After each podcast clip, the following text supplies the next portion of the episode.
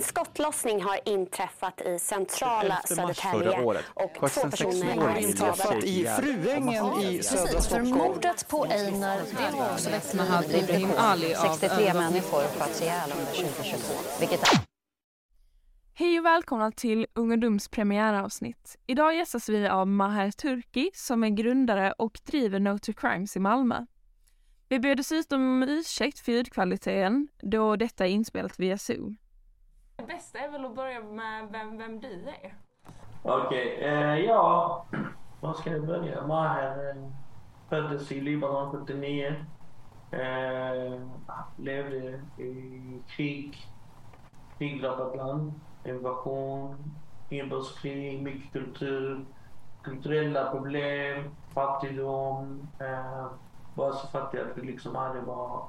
Vi hade ingen ingen boende. Vi, vi bodde liksom hos ja, släktingar, vänner på en madrass liksom. Det var liksom mitt liv. Min mamma, min mamma tog hand om mig som inte var så utbildad, fattig och eh, började, hon hade ett väldigt tufft liv. Tog hand om sina syskon. Min pappa var aldrig där för mig. Och så har han valt en annan familj. Redan efter ett år liksom han har fått mig. Så eh, liksom, han var aldrig där liksom. Och det är liksom, man, man blir så... Mm. När man vaknade till var jag typ 6 7 år. Då började jag liksom undra varför min pappa inte där och så vidare. Så var liksom alltid eh, den som tog hand om mig och gjorde den fina rätterna som jag älskar. Liksom. Det var liksom, hon var mitt allt. Och pappa levde med den andra familjen och lämnade Libanon 1986, tror jag, 87 till Sverige. Så på mig var det alltid något fel på mig eller fel på mamma. Som många frågor. Varför, varför har vi det så liksom? Eh, jag, fick, jag vågade aldrig ställa dessa frågor till någon. Och barn, barn, barn, barn. Men en dag 91 så sa han, Maher jag ska komma och hämta dig. Tyckte jag, han blev jätteglad och kände så oh, min pappa är tillbaka. Men då skulle jag lämna min mamma i Libanon under kriget. Och bo med min mamma och samtidigt med mina syskon. Halvbröder. Och kom jag till Sverige, då var jag världens gladaste pojke. Jag bodde med honom på ett hotell i, i, i centrala Beirut. Det kändes som hela världen var min. Jag och han. Det var typ 24 timmar. Jag kommer ihåg rummet, de här fortfarande än idag liksom, det var sånt litet rum. Ja, lite så här gammal. Men de här stunderna att jag och han hittade, kände liksom att han var min pappa.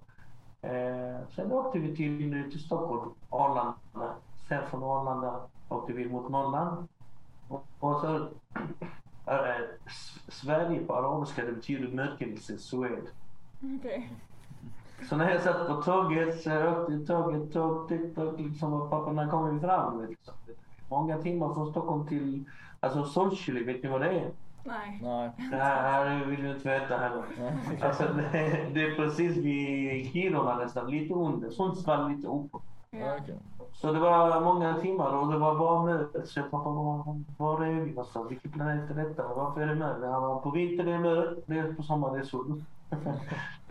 Men eh, sen kom vi fram, hoppade in i Volvo 740 med kedjor på oss. Så kör vi, man kör, man kör, man kör, man till sist vi kom fram. Jag såg in på gatan, det var så ljust av snö. Det var mörkt, det var ljust. Det var helt så lugnt liksom. Du kunde kasta en sten så kunde du höra att en liksom sten liksom studsade på, snö. Men, eh, och den gatan hette Blå, Blåhockeyvägen. Tänk dig, det här snackar vi 31 år sedan. Då kommer jag fortfarande ihåg adressen. Just till den gatan. Varför? Jag insåg att Sverige är så vackert och fint. Byggt och lugnt och skönt. Och han bodde där liksom med, med dubbel, dubbelvåningar av trävillor som är jättestora. Liksom. Man skulle gå upp på trappan man kunde höra. Du vet så. Allt var gjort av trä. Och det var, det var, det var helt så wow. Liksom. För mig var det liksom, här bor du med din, din familj medan jag har inte ett hus, jag har inte kläder, jag har ingenting.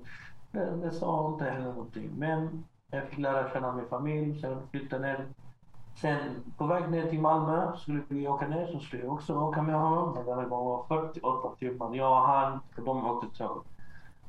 Så jag var också väldigt så glad. Men det var inte kul att sitta på timmar när han skulle sätta din pappa röka, röka, röka, röka liksom. Och han öppnade liksom. Det, till sist var så mycket rök i bilen. Det var kallt. Tyvärr rutan, det kändes som den brann där inifrån. Jag köpte 48 timmar bara rökte. Men det, det kanske också därför jag inte rökt eh, någonsin i mitt liv. Mm. Men jag fick höra faktiskt med de första åren att han älskade mig i, någonsin. Och, och ända typ då. Eh, så vi kom ner till Malmö och köpte eh, Köpmansgatan precis här borta för Prusfabriken, gammal Prusfabrik vid, eh, man kan säga, Sofielund kan man säga. Okay. Sofielund där eh, Seved heter det, kallas det. Det har varit mycket, det är också mycket kriminalitet där. Men jag hade en dröm. Jag hade en dröm att bli fotbollsspelare men det, jag fick aldrig spela fotboll för att vi var tvungna att följa med min bror för att han skulle göra, ja, gå på karate liksom. Och det liksom, jag fick aldrig göra någonting. Det var liksom han, hans mamma, hon de ville, de bestämde, jag var skogen. Så var hela mitt liv liksom. Men, uh, men jag blev bra också på, på karate. Så det var väl kanske en fördel, men en negativ fördel. För att en person som är osäker, arg, uh, nyfiken, uh, blir lite farlig för att börja slåss. Mm. Och det gjorde jag. Så vi flyttade till Kruksbäck där vi började helgen. Där började jag med min pappa och hans barn. Och sen var det en ny skola. Då skulle jag liksom, vi är med och liksom sökte tillhörighet. Mm. Och lojalitet. Det är därför de flesta liksom sa, de känner att vi, liksom, vi, vi, vi vet vad vi går igenom. Vi har det här liksom, man skapar tillhörighet. Och då blev blev lite så här ett litet gäng som hängde från skolan vi slogs, eller jag slogs mycket för dem. Det var bara liksom jag skulle skydda alla och sånt bara för att de skulle älska mig egentligen. Men uh, sen kom mamma 94. Och då var det liksom, min pappa sa till mig att min mamma har kommit. Jag hade inte träffat min mamma på fem år. Det fanns inte mobil, det fanns inga sådana här sms. Liksom, de kunde skicka kassettband, sån gammal kassettband med de här. Liksom fastnade och sånt. Mm. Jag skickade en sån här, tog det sex månader fick man svara hej hur mår du? Hur går det bra? Så var sex sekunder på ett sms för att skriva men där ska jag sitta och hålla på och spela in. Men hon kom. Jag, jag kommer ihåg att jag var väldigt duktig på att springa också för jag hade jättegod kondition. Jag sprang hela dagen, jag var sommardag, allt tre på dagen, det var varmt. Sprang på Emporia, typ i Emporia till Värnhemstorget om du vet vad det är. Ja. Jag sprang hela vägen och man kunde sitta. Jag bara fantiserade. Hur ser min mamma ut nu? Och när jag kom fram till Värnhemstorget, alltså precis vid Migrationsverket innan Värnhemstorget. Då stod, då såg jag någon kvinna där, liten, svart hår, rödstickad tröja och helt så smal i ansiktet och min syster som hade så gulligt hår. Och det var så, jag bara liksom, det här liksom det, det kändes inte verkligt. Så jag kramade henne. Kramade henne i 20 minuter och vissa var och luktade samma sak som när jag lämnade henne. Mamma luktade. Mm. så att äh, sen äh, då skulle vi bo ihop. Så flyttade vi ihop. Sen började jag byta skola. Men äh, hamnade i problem för min osäkerhet. Alla, det var bara svenskar på Slottsstaden. Det var mycket rasism den tiden, om ni kommer ihåg 90-talet, skinhead och sånt. Och man bara, alla bara så ja, de är rasister, man bombar jackan, de är rasister, de är rasister. Du vet, man visste inte liksom hur, jag hade ingen vuxen för mamma kunde inte ens prata arabiska var utbildad. Min pappa, han visste inte hur man var uppfostrad oss. Det var mer det disciplinära eh, straff. Eh, när en gjorde någonting fick vi alla stryk liksom. Han satte upp på mm. fötterna och var liksom misshandlad. Vi vågade inte heller säga någonting. Det var där det började. Sen när jag bråkade med en lärare som gjorde att jag fick misshandel mot tjänsteman bara för att jag fortfarande har fått tillbaka. Så blev jag avstängd halva tiden från skolan. Då blev jag ännu argare.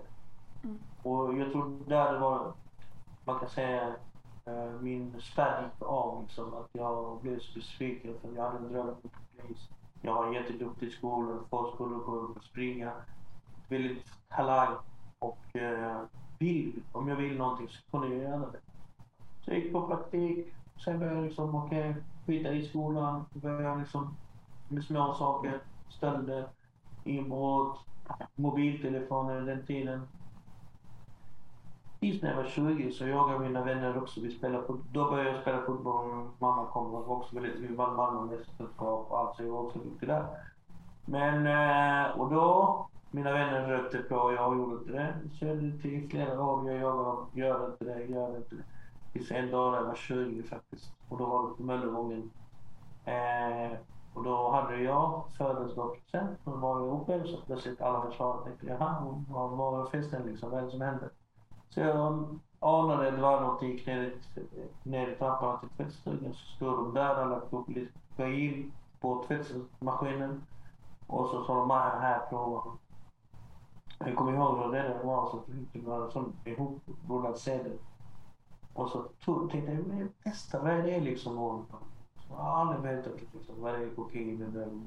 Kände inte till honom. Och den dagen jag drog den här linan och sen var jag en helt annan person. Och den dagen förändrades hela mitt liv. Då kände jag mig säker istället för osäker och tänkte wow, det här drogen liksom fick mig liksom mer självförtroende. Um, jag var väldigt bra på att dansa, så jag kunde inte dansa länge. Och eh, tyvärr, eh, det ledde till att eh, till sist jag började sälja det. Mm. Och jag brukar skämta om att hade jag börjat sälja det hade jag haft ett företag då, då hade jag varit större Foodora för att vi var de enda som började med hemkörning. Det var helt så fyrpaketerat och allting. Man fick hem det till dörren. Sen började jag smuggla in det och även upp till Stockholm.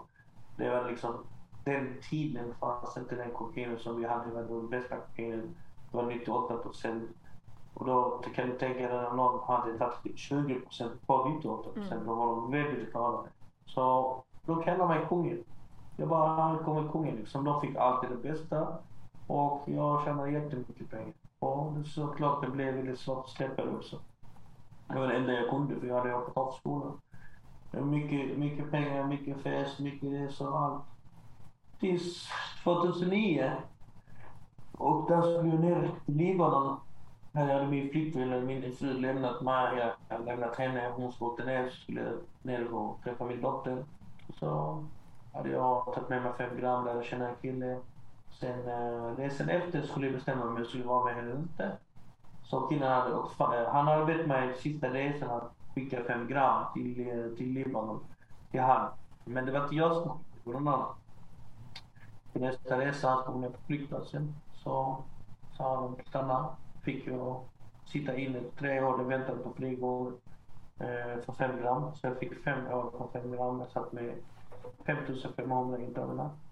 Jag satt med mördare, våldtäktsmän i ett åtta kvadratmeter. Och jag bara att det här, det här kan inte stämma. Kackerlackor, ingen rättighet, ingen barn, ingen mat, ingenting man kan säga. Jag var på helvetet. Fast typ, det, var, det var helt sjukt. Men jag hade ju min farmor som någonstans, jag tänkte på henne, hon bodde, vi var i Beirut. Och jag tänkte på henne för vi var i Beirut mycket mer. Inte shit, jag kom ner hit och hälsade på henne, kan man inte träffa henne. Så det var väldigt smärtsamt också att jag förlorade henne. Eh, hon dog när jag satt i fängelse, jag kunde inte besöka henne, ingenting. Så hon är en del av min historia, men också att det var hon den enda som trodde på mig. Det var det jag levde för, att min farmor trodde på mig. Jag måste ändå liksom vara bra på någonting. Sen när jag kom ut 2011 så kom jag tillbaka, hade förlorat allt, hämndes, inga pengar, sökte pengar, sökte, sökte hjälp från Mina vänner var, visade sig att de inte var riktigt mina vänner. Det var bara en glamour liksom. Vad jag hade gjort för människor har inte många gjort. Hur jag festade, hur jag trodde att alla var mina vänner. Det var det största sveket. Mina bröder liksom, att jag drog liksom om familj och sånt. Allt det där var bullshit liksom. Eh, det var, jag var där själv, det var ingen som var där för mig. Och jag kunde inte skylla på att de inte var där. De bara, det är spelets regler liksom. Det sa de mig väldigt mycket för vilken lojal människa jag var. Genuin, äkta. Men det visade sig efter detta visste jag att det fanns inte de här fem. Så det var rena spekulationer. Eh, och så jag skulle tänkte att jag skulle börja om mitt liv, flytta till Stockholm. Vilket jag gjorde. Men eh, min eh, ex blev gravid och så sa hon Ja, okej, okay, vad ska vi göra nu? Så jag flyttade ner till Malmö. Och jag sa redan, bara så du vet, att uh, jag kommer att åka in i fängelset igen. Mm. Mm. Och jag sa till henne, kommer du hålla liksom? Fyra, fyra och ett halvt år. För att jag visste liksom, nu har jag ännu mer större ansvar. Nu räcker det inte med att bara sälja som innan. Då, måste, då kommer jag öka med försäljning då jag hade också skaffat kontakter i fängelset. Mm. Vilket ledde till när jag kom tillbaka så hade jag typ ett kilo kokain. Köpte det på bästa pris, kunde dubbla mina pengar. Och uh, ja, en av mina närmaste vänner satte dit mig igen. så är det, så funkar det. Att jag blir konkurrent och jag ska ta över marknaden. Eh, så där hade, det var lite väldigt sorgligt. Det var lite så här jobbigt att känna, shit jag har precis kommit ut, jag ville börja upp. Jag hade alla kontakter, jag var väldigt duktig, bara lite driftig. Det vet man bara, jag ska jobba ihop den tiden jag har förlorat. Mm. Men så hamnade jag på Kumla, Norrtälje, häktad åtta månader, sen fick jag fyra och ett halvt år exakt som jag sa. Eh, när jag kom till en anstalt så hade jag bestämt mig att jag ska ta en utbildning. Jag tänkte nu tar jag den utbildningen, nu vet jag vad jag ska göra när jag kommer ut. Jag kommer göra det. Punkt slut. Jag kämpade väldigt mycket trots gäng, misshandel där inne. Du vet så, det är väldigt mycket psykiskt och fysiskt jobbigt. För delvis man blir utsatt för att folk vill bara kasta ut, alltså man torpederar på knall. Alltså antingen gillar de det eller de inte gillar det. En del gillar mig, en del gillar inte mig, en del jag gillar inte dem heller. Så att vi hamnade i en chatt, de kom in flera gånger, tre stycken en gång och jag fem stycken en gång mot mig. Skulle, men jag stannade kvar trots det och tog tre utbildningar istället. Vad var det för utbildningar? Kakel och eh, plastmatta okay. och eh, asbest på Norrtäljeanstalten. Så fixade jag också ett jobb när jag kom ut. Och då hade jag också fått farbarn när jag satt inne. Så när, hon... när jag kom ut, jag hade fyra nu. Första och så tre med eh, svensk. Det var helt så som julafton liksom. Hon blev på smällen på första besöket och andra besöket. Då kom jag ut och hade fyra barn. det är sant. Det, det är helt sjukt. Men det, man, jag, jag brukar säga att det finns en mening med allt. Jag hade önskat mig de här barnen. Jag hade önskat mig en pojke med blå ögon. Jag hade fått en pojke med blå ögon. Så här lockigt och gulligt. Han är en av de skönaste pojkarna. För det visar man. Och visar en bild så får man tänka alltså shit. Jag fick verkligen vad jag, vad jag hade önskat. Min pojke är liksom den enda med blåa ögon. Varför jag berättar de här sakerna för att du ska förstå liksom, trots vad du går igenom i livet kommer du ändå komma till ett beslut att du kan faktiskt lämna dina barn. Det som hände är att återigen, jag hade allting bra. Saab, körkort, svensk kvinna. Tänkte det här, det bara saknas en mobil. liksom.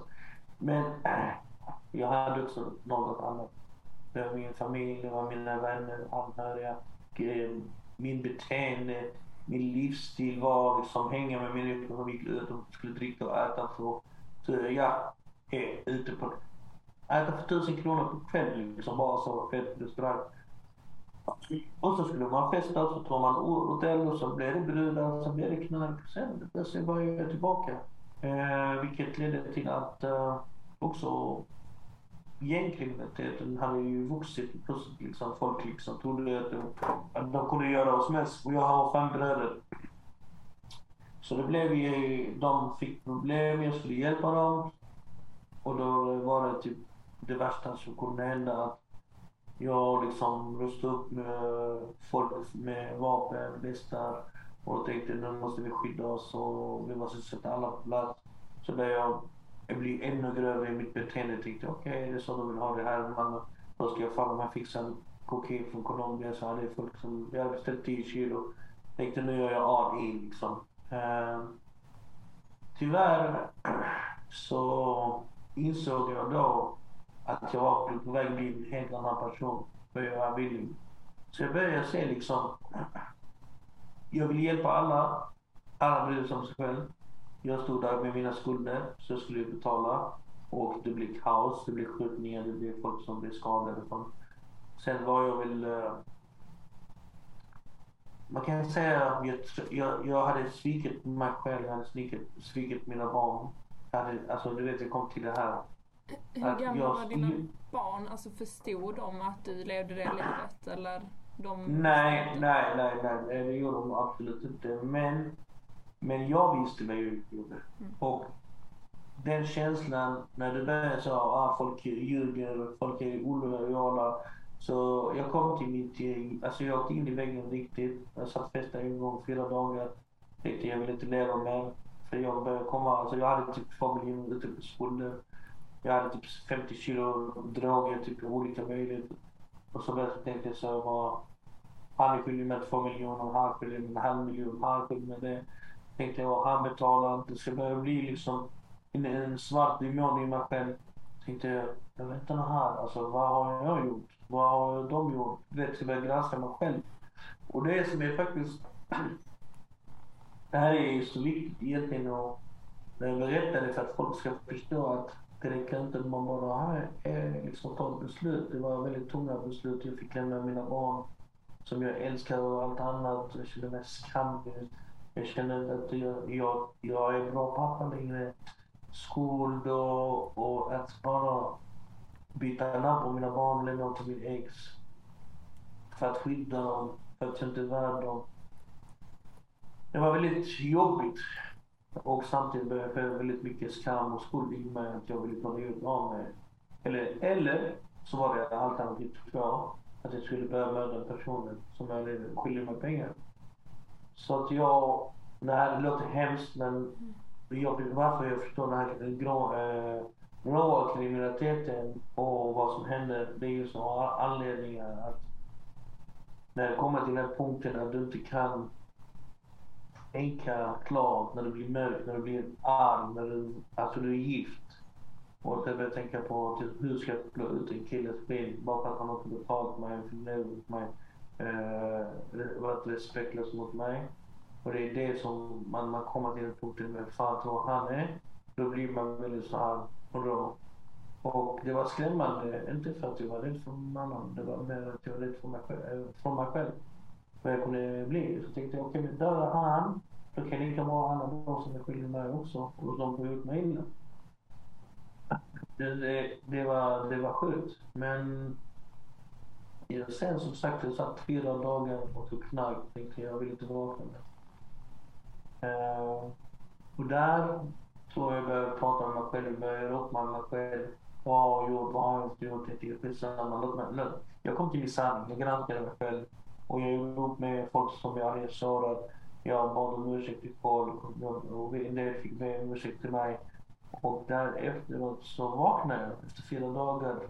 Eller när jag somnade efter fyra dagar så vaknade jag. Jag trodde inte jag skulle vakna helt enkelt. Mm. Jag hade börjat prata med Gud sista natten liksom. Jag var jätterädd att bli eh, upptäckt på ett ställe. Folk ska se mig hur jag dött som en missbrukare. Så det var väldigt så känsligt. Det var, alltså jag det var riktigt eh, jobbigt. Men sen, min mamma bor här typ långt borta från Cypern. Ett tag så bodde jag hos henne. Och det var sin typ värsta tid någonsin. Jag liksom knarkade varje dag, kom hem, låg mig på hennes madrass. Och man såg, alltså, när vi hade i Libanon en madrass typ som golvet. Så kom hon, 1,60 svart hår, kom hon helt smal. Skulle ha en macka med sånt. Och jag bara, den här mackan alltså. Liksom det var det enda jag hade kvar, min mamma och, och hennes mackor. Då hade jag klippbanden med alla familj, vänner. Jag bara så insåg att bara alla hade lurat mig och utnyttjat mig. Men så var hon kvar. Så sa jag, men ta limabröd, yoghurt och oliv, oliver. Det var min favoritmat. Och sen när jag började tugga på den så insåg jag att mamma hade plockat kärnor till hennes stora pojke som var 38 år. Och det, det gjorde mig väldigt, väldigt ledsen liksom. För jag var alla min mamma. Lika känsligt blir det just varje gång i detta rummet. Men där bestämde jag mig. Jag bara, när jag vaknade på morgonen så grät jag och sa till Gud bara snälla hjälp mig eller bara ta mitt liv. Jag kan inte leva med. Och just den dagen jag tror jag aldrig gråtit så mycket som ett barn och kände att mina grejer kom brytas. Alltså. Men också sen efter det, Så jag fick någon sån här känsla att jag måste göra någonting för det som hände med skjutningar och barn och ungdomar. Så jag började prata på sociala medier. Och därifrån var min, var det jag ville lyfta upp det sanningen om kriminalitet. Och då började såg jag alla så här som bara pratar är bror och respekt hit, lojalitet hit, min bästa vän, min kompis och sånt. Så typ jag gick i varje moment och berättade hur det är egentligen. Och det blev så viralt på sociala medier, 40-50 000 vid varje klipp jag hade. 100 000. Så blev varje, varje skjutning gick ju dit och skällde ut digitalt för det spred sig. Jag bara, han är sjuk i huvudet. Alla bara så, från kriminell, från kriminell till att nej till kriminell. Vad fan händer? Så, liksom tänkte jag så, mina vänner, och de närmaste, närmaste, det är ofta de som är skeptiska. De bara, han, han måste bli galen. Men jag visste att jag inte var galen. Jag, bara, jag fick en enorm styrka, en enorm tro på det här, det, det var rätt. Och det, och det var väldigt bra feedback. Människor började se mig, började tro på mig. Man, man ut och föreläser. Och det är därför, från den dagen när det började hända så började jag besluta jag skulle börja föreläsa. Men så ringde faktiskt en mamma också och sa för du måste träffa dig, jag har en pojke 16 år, behöver hjälp. Absolut, tänkte jag. Gick ner på trappan halv åtta på kvällen. Det sitter hos mamma också. Eh, så kommer hon in helt smal, helt så eh, ödmjuk och liksom, du vet så. Hon bara, ja min son och jag är följdledare. Alltså wow vilken resa du har gjort Maja. Jag känner mig sedan innan. Bara, min son vill bli som du. Han vill bli som dig liksom, sa han. Han vill sluta med kriminalitet och han vill börja med bygg. Och det är väl det som förändrade mitt liv. Så jag sprang upp till min mamma, världens gladaste. Mamma vet vad jag vill göra. Så jag startade med Grimes. Och sen dess har jag jobbat fem år, i fem, 15 timmar om dagen minst. Utan en krona på kommunen. Mm. Så jag har byggt upp mitt eget ställe här. Jag har ett ställe som ja, jättefint. Och jag har också även blivit årets, årets eldsjäl, nominerad som årets byggenskapare nominerad till hela prisen. Eh, och också att tagit väldigt bra betalt när för att Jag, jag är expert inom det området. Jag är projektledare, programledare. Ja, utbildar, utbildar vuxna, utbildar poliser idag. Och det är bara för att jag har fortsatt eh, och bestämt mig för att besluta nej, någon måste ju visa den vägen. Det har varit väldigt svårt att inte bli betrodd, inte bli accepterad. Men till sist har jag accepterat mig själv. Det finns folk som inte accepterar mig. Det kommer alltid tycka är kvinnor. Men det är fan för mig. Så var jag hela Det var faktiskt eh, sjukt att höra. Mm. Alltså sjuk mm. historia, sjukt mm. gripande, sjukt cool måste jag också säga. Tack. Ja, alltså jag vill ge, alltså jag, jag brukar ju, det är olika vem jag berättar till, men tanken ni vill ha den här. Nu fick ni ju höra hela hur man tänker i vissa faser och varför, vilka anledningar. Vad är det som får en att komma tillbaka och varför är man där i den situationen? Så därför var jag lite mer bredare, djupare för att ni ska förstå hur man tänker som en kriminell. Ja. Mm. Det, är inte, det är inte jättelätt att veta innan någon förklarar. Nej, precis.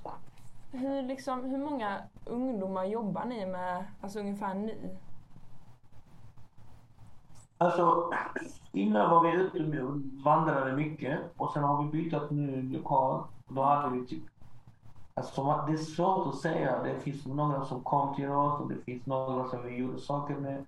Och så nu de senaste två, tre månaderna har jag försökt bygga här. Vi har gjort ett jättestort koncept där man söker jobb man kan få IT-utbildning, man kan få sjunga karaoke, man kan hålla på och spela Fifa-turneringar. Vi ett mötesplats man kan eh, man på sådana här Asai på. Jag coachar, utbildar. Jag ser redan liksom vilka som behöver det när de kommer hit. Och även har vi kommer ha tjejgrupper. Eh, så det är ett nytt koncept som vi startat så jag har inte riktigt ut med det. Men jag lägger alltid upp på TikTok till exempel. Okay. Eh, och där når jag jättemånga. Eh, så jag använder sociala medier fortfarande än idag som ett verktyg för att nå fler och det funkar. Och eh, jag har en avhoppade kille som har vänt sig till mig. Även han, han var hemlös. Jag hjälpte honom trots att det inte var pengar från staten. Men, hoppas att de ändrar syn på oss och accepterar oss med tanke på idag skandalen kring fyshuset. Så att de släpper in oss. Så det, det går. Så det är det. Så, men uh, jag är ute och föreläser, jag är ute och utbildar. Så jag har varit ute i, jag har faktiskt varit ute utbildat Helsingborg uh, hem. Uh, där och uh, utbildat till Landskrona nu och uh, bröllop på gång. Jag hade, ja, så det, det, det är mycket. Det är mycket. Eh, ni har ju kontor i Malmö. Finns det liksom, alltså har ni framtidsplaner på att öppna kontor någon annanstans eller? Vi har öppnat en i Landskrona, vi har en i Lund. Vi vill ju öppna i Helsingborg. Mm. Eh, men jag känner, ja, alltså, jag kan inte vara överallt men Nej. man måste hitta rätt personer. Men eh, självklart så är alla välkomna. Jag tror denna tiden idag så handlar det inte bara om att prata om vad man ska göra. Och du vet, det är så, man brukar säga så här. Alla är ute egentligen efter belöningar och bekräftelse i livet. Allting är liksom hur bra man är. Men vem är det som bestämmer vem, hur bra du är? Är det du som bestämmer om du är bra eller människor kommer säga att du är bra? Så någonstans egentligen, det är klart du ska veta att du är bra, men även att du ska få, man kan säga vad, vad är du bra på? Är du bra på att sälja för att tjäna dig själv? Absolut. Men jag tror vi, det här att, att, att hjälpa människor som har svårigheter och hjälpa dem med problem, det är det som får dem att växa. Det är bara det som får dem att växa.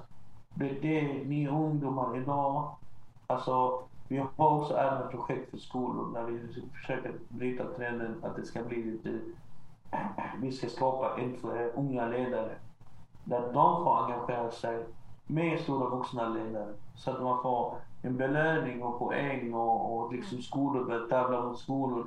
Eh, känna att wow, vi kan vinna över dem och vinna det här status, vinna eh, bättre skola, bättre betyg, bättre jobb, eh, bättre ledare liksom. Eh, så det, det finns. Man måste, man måste göra istället för bara hänga och kasta sin bort, eh, ja, dyrare tid. Vi kastar jättemycket tid på sidan liksom, sociala medier, TV. Ja, ni skrattar för ni känner igen det va? Eh, vad, vad hände bror?